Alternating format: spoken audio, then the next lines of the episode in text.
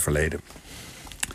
En ook het volgende onderwerp gaat over koloniale geschiedenis. Het is dit jaar 400 jaar geleden dat Jan Pieter Koen besloot dat de bevolking van de Banda-eilanden moest verdwijnen en plaatsmaken voor tot slaafgemaakten. Dat idee kwam niet in een opwelling. Het plan leefde al jaren bij hem en bij anderen. En in 1621 was het zover. Een groot deel van de bevolking werd vermoord of uitgehongerd, een ander deel verjaagd en de rest als slaven afgevoerd naar Java.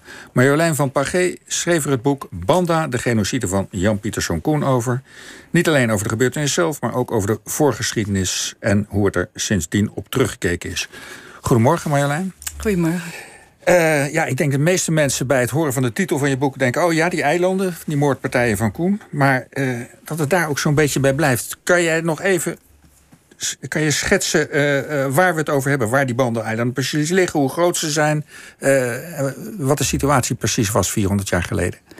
Ja, uh, ja, 400 jaar geleden was dus eigenlijk het sluitstuk van een 20-jarig beleid al. Hè? Dus de, uh, dat was al een. Toen werd pas het grootste Banda-eiland door Koen bezet en de bevolking verdreven. Uh, de Banda-eilanden zelf uh, liggen in Oost-Indonesië, uh, vallen nu onder de Molukken. Um, maar het is, ik bedoel, Indonesië is heel groot. Hè? Soms, som, heel veel mensen weten vaak niet dat het 54 keer zo groot is dan Nederland om een beeld te krijgen. Maar de Banda-eilanden zijn in gebied heel klein maar in betekenis, ja, ik denk ontzettend groot, ook voor Nederland. Mm en qua oppervlakte zijn ze, geloof ik, vergelijkbaar met de helft van de Waddeneilanden. Dus de helft van de Waddeneilanden. Een speldenknopje, als je de hele kaart van Indonesië ziet, uh, zijn ze heel klein. Waarom waren ze zo belangrijk voor Nederland destijds? Omdat uh, er op Banda iets groeide wat men hier niet had. En uh, dat was dus nootmuskaat met folie. Dat, is het, uh, dat zit om de nootmuskaatnoot heen. En die, dat specerij dat was zo uh, ontzettend duur. Uh, het heeft echt de Nederlandse welvaart uh, gelegd, de basis daarvan. de VOC, dus die compagnie die werd opgericht en waaruit ook Jan Pieterszoon Koen vertrok, die is daar rijk mee geworden. Die gingen ook wel op zoek naar andere specerijen. Dus wat noordelijker in de Molukken lagen de eilanden Tidore in Ternate bijvoorbeeld, waar -hmm. kruidnagel groeide en verkocht werd. Maar, en op Java peper. Maar het, mm, ja, het goud was de nootmuskaat. Ja. was nootmuskaat. Dus ja, dat, dat uh, de Portugezen hadden eerder al... dus de Nederlanders zeg maar, kwamen daar in 1599 voor het eerst aan... Um, maar de Portugezen hadden in die eeuw daarvoor uh, Azië al weten te bereiken. En waren ook uh, op zoek naar al die specerijen.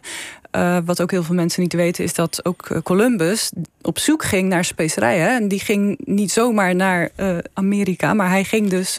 Hij was ook bezig met die ja, ik zou zeggen, klopjacht op specerijen. Op dat wat ze in Europa niet hadden. Um, en wat voorheen um, via tussenhandelaren wel op de Europese markt terecht kwam. En waardoor natuurlijk ook de prijs was, daardoor ook werd opgedreven.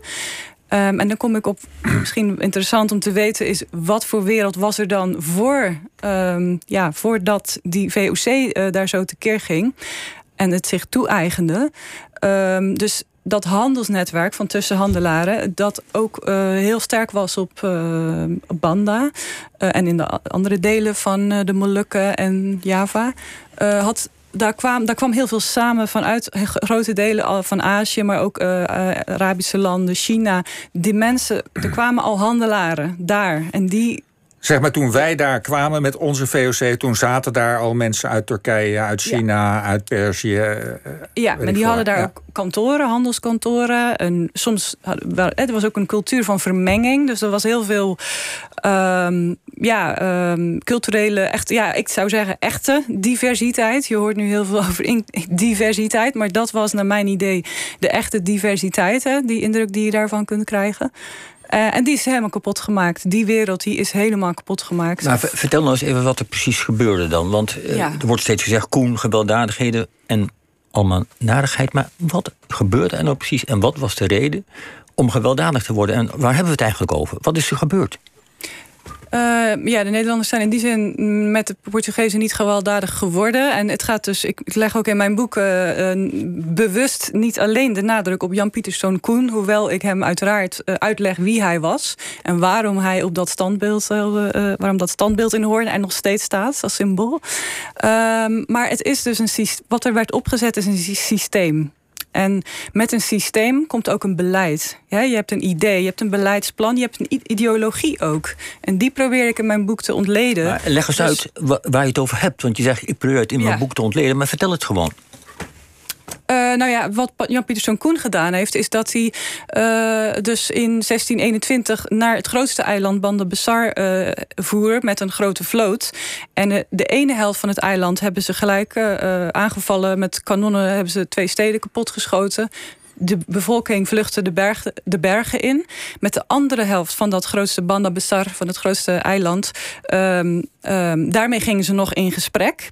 In vanuit de optiek vanuit de VOC om te, om te proberen om die twee helften tegen elkaar op te zetten. Dus klassiek voordeel, voorbeeld van verdeel en heers dat lukte niet. En toen hebben ze dus alles, uh, ze, uh, de mensen ook in de bergen, hebben ze, daar hebben ze op gejaagd. Daar hebben ze, die mensen zijn, uh, hadden zich verschanst en die, zijn, die hebben ze gewoon uit laten, uitgehongerd.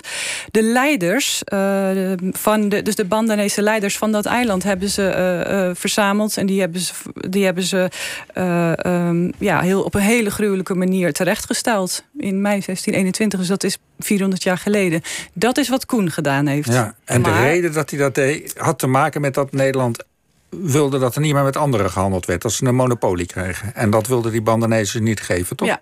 En dat is niet specifiek voor Nederland. Dat kun je zeggen. Ik spreek vaak bewust ook over een West-Europees wereldrijk ze vochten elkaar ook nog wel. de, de, Engelsen en de Nederlanders waren ook met elkaar in de, lagen met elkaar in de clinch. Maar met elkaar hadden ze hetzelfde soort beleid en dezelfde soort aanpak. Ook de Portugezen, Spanjaarden. Um, dus dat monopolie, dat idee van alles, wij alles en de rest, ook onze Europese concurrenten, mogen niks krijgen, is gebaseerd op dat idee van wij, wij willen alles. Dus de, de, je vroeg net van hoe komt het nou dat ze zo gewelddadig werden? Het is natuurlijk iets, het is een absurde eis als je een wereld hebt waarin handel normaal is, dus werkelijke vrije handel, de een, hè, meerdere partijen. En, en dat wil je, dat wil je niet. Ja, wie gaat, welke uh, handelaar die echt van handel houdt, gaat daarmee akkoord? Niemand. Ja, ja. maar, maar, maar, ja. maar, maar, goed, de, de, eh, de oplossing dan van het uh, uitroeien en verdrijven van die bevolking. Uh, ja, hoe moet je het dan daarna doen? Want wie, wie verbouwt de foelie dan nog? Hoe hebben ze dat opgelost? Ja, dat was natuurlijk uh, hun praktische probleem. En dat heeft je onder het beleid van Jan Pieterszoon Koen... zijn er toen perken, de soort tuinen... hebben ze al die eilanden opgedeeld in tuinen. Dus dat was al nadat de, de grootste, grootste, ik zeg het grootste gedeelte van de bevolking daar niet meer was. Um, ik hoop dat ik zo nog kan spreken over het andere gedeelte wat nog wel uh, het heeft overleefd. Heel belangrijk, want die zijn ook uit de boeken gewist. Maar die perken die dus nadat na het land leeg was, zeg maar, um, werden ingedeeld, die werden dan, um, zeg maar, VOC-dienaren konden die, konden die kopen en die konden daar dan nootmuskaat gaan uh, verbouwen. Maar ja, die wisten natuurlijk helemaal niet hoe dat moest. Toen, hebben ze, uh, toen heeft Koenens schepen uitgezonden naar uh, nu China, zeg maar. En die hebben daar aan de kust mensen geroofd. En die hebben ze eh, te werk gesteld op die perken. Ze hebben ook mensen uit India als tot slaafgemaakte mensen hebben ze gekocht.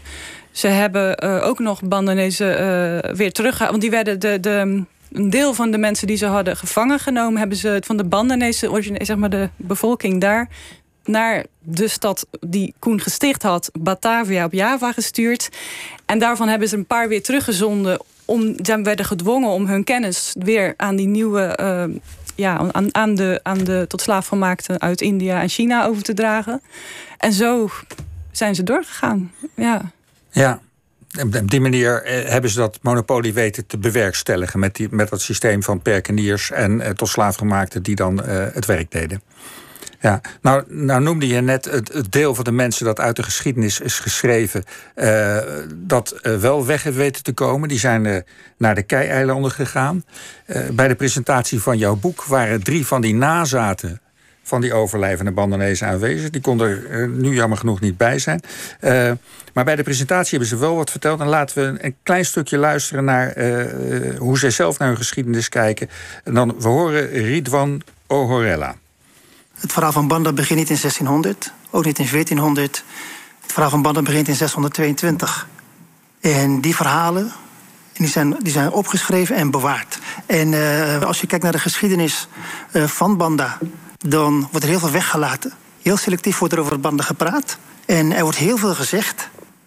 Maar hetgeen wat er wordt gezegd, klopt niet met de verhalen die geschreven zijn door onze eigen voorvaderen. Want als je al die mooie verhalen, eh, zeg maar, vanuit de, wat wij zeggen, boeken Tembaga, de koperen boeken, die met de hand geschreven zijn door onze voorvaderen zelf. Als je al die verhalen leest, dan lees je karakters. Hoe een mens moet leven, hoe een mens moet delen, hoe een mens met elkaar, eh, hoe een samenleving opgezet moet worden. En in de Nederlandse boeken, helaas, zie je juist dat het het tegenovergestelde is. Wij worden daarin, zeg maar, wordt op zo'n manier weggezet en weggeschreven dat we echt wilden waren of zo. In lendendoekjes en uh, we moorden elkaar uit. Terwijl alles was geregeld. Ja. jij, jij vertelde bij de presentatie dat doordat jij hen ontmoette, dat je eigenlijk je boek opnieuw kon gaan schrijven. Dat, je dat jij daardoor ook anders naar die geschiedenis bent gaan kijken. In welke zin precies? Ja, het was, uh, ik had mijn boek in ieder geval grotendeels al geschreven. En ik had de nadruk gelegd op wat ik net vertelde, die verdeel en heers. Dus dat het ene eiland kapot schoot, de ene steden aan de ene kant kapot schoot... en de andere kant dat ze daar een beetje mee gingen praten. Maar toen kwam ik dus inderdaad door, onder andere uh, Christa Soeters... heeft mij in contact gebracht met drie nazaten. Ik wist, ja, ik was best wel verbaasd. Want zoals ik net zei, het was een heel klein groepje eilanden. En daar dan overleven en nazaten van, die in Nederland wonen. Dus ik, ik was zeer verbaasd. En zij uh, ja, ze hebben gewoon hun verhaal gedaan. En ik was, ja, ik, zou, ik was echt ontroerd gewoon. Het was echt van, ik dacht wat er hier altijd gezegd wordt, juist door mensen die kritisch zijn op Koen, van, die zeggen in één adem zo van hij heeft bijna iedereen vermoord. Ik dacht, het is gewoon niet waar. Daar, zit, daar zitten ze. Wat Koen wilde, wat de Nederlandse wilde, het is niet gelukt. Ze kunnen getuigen, dat doen ze ook. Um, inderdaad, jammer dat ze vandaag niet konden. Um, maar ja, ik moest toen wel echt even, want eh, dat, dat verhaal wat, wat over die verdeel en heers, um, wat een terloops in Nederlandse boeken wel genoemd wordt, klopt niet. Vooral op dat punt dat, dat uh, er dus voordat Koen met die grote vloot kwam, dat een, dat een aanzienlijk deel van de uh, Bandanezen zijn vertrokken. Ze spreken ook doelbewust over migratie en niet over vlucht. En die zijn niet alleen op de Kei-eilanden. De Kei-eilanden liggen uh, nog verder naar het oosten. Maar die zijn ook bijvoorbeeld op het eiland Seram uh, terechtgekomen. Ja, allemaal onderdeel van de Molukken, hè? Allemaal ja. onderdeel van de Molukken. Um, en die gemeenschap die heeft gewoon dat verhaal nog vastgehouden. Dus die vertel en daar, de, zij staan daarmee in contact ook. Dus zij zijn zelf ook naar, ja, naar daar gegaan in Indonesië, in, in, uh, op Kei. En dus de mensen die nu op Banda wonen, dat zijn niet, de, dat, dat, dat zijn niet zeg maar de mensen die daarvoor, of nazaten, grotendeels niet nazaten van de mensen die daarvoor de slagpartij van Koen hebben gewoond. Dus dat zijn eigenlijk de. Ja, de, de, Het mooie van je verhaal is natuurlijk. We hebben het nu bijvoorbeeld. Een actueel onderwerp is roofkunst. dat wij of wij het Westen eh, kunst geroofd heeft uit koloniale voormalige bezitten landen. Jij laat zien dat we ook de geschiedenis hebben weggehaald bij mensen. En ja. jij en vindt dat we die terug moeten geven. Ja, nou ja, ik vind dat wel. Um, kijk, uh, ik denk dat de uitdaging voor Nederlander, voor zeg maar wit Nederland, laat ik het even zo zeggen, is vind ik anders uh, dan voor. Kijk, voor, voor, voor bijvoorbeeld Rietwan en Lucas en Marcel is het een zoektocht naar wie, waar komen wij vandaan. En dat voor ons, wij moeten ook die vraag stellen: waar komen wij vandaan? Hè? Dus ik vind dat, dat we daarin een andere uitdaging hebben. En dus ook waarin schuilt de leugen. En dat zie je niet meteen. Hè? Dus zelfs met de beste bedoelingen kan je dan die boeken gaan bestuderen maar en denken dat je kritisch bent. Maar ik denk dat het gaat om de realisatie dat, dat, um, ja, dat de leugen in heel veel dingen zit. En dat je soms niet weet waar die precies in zit. Daarbij is het dan ook natuurlijk belangrijk om te luisteren naar uh, historici, bijvoorbeeld uit Indonesië of andere, die, die, die ja, vaak ook al hier niet, uh, niet uh, gehoord worden of niet goed naar geluisterd worden. Maar ja, ik vind dus dat we niet alleen uh, moeten luisteren, maar er zelf ook iets mee moeten doen. Goed, Marjolein van Pagé, uh, bedankt voor je komst. Het boek heet Banda, de genocide van Jan Pieterszoon Koen... is uitgegeven bij Omniboek. Wij gaan nu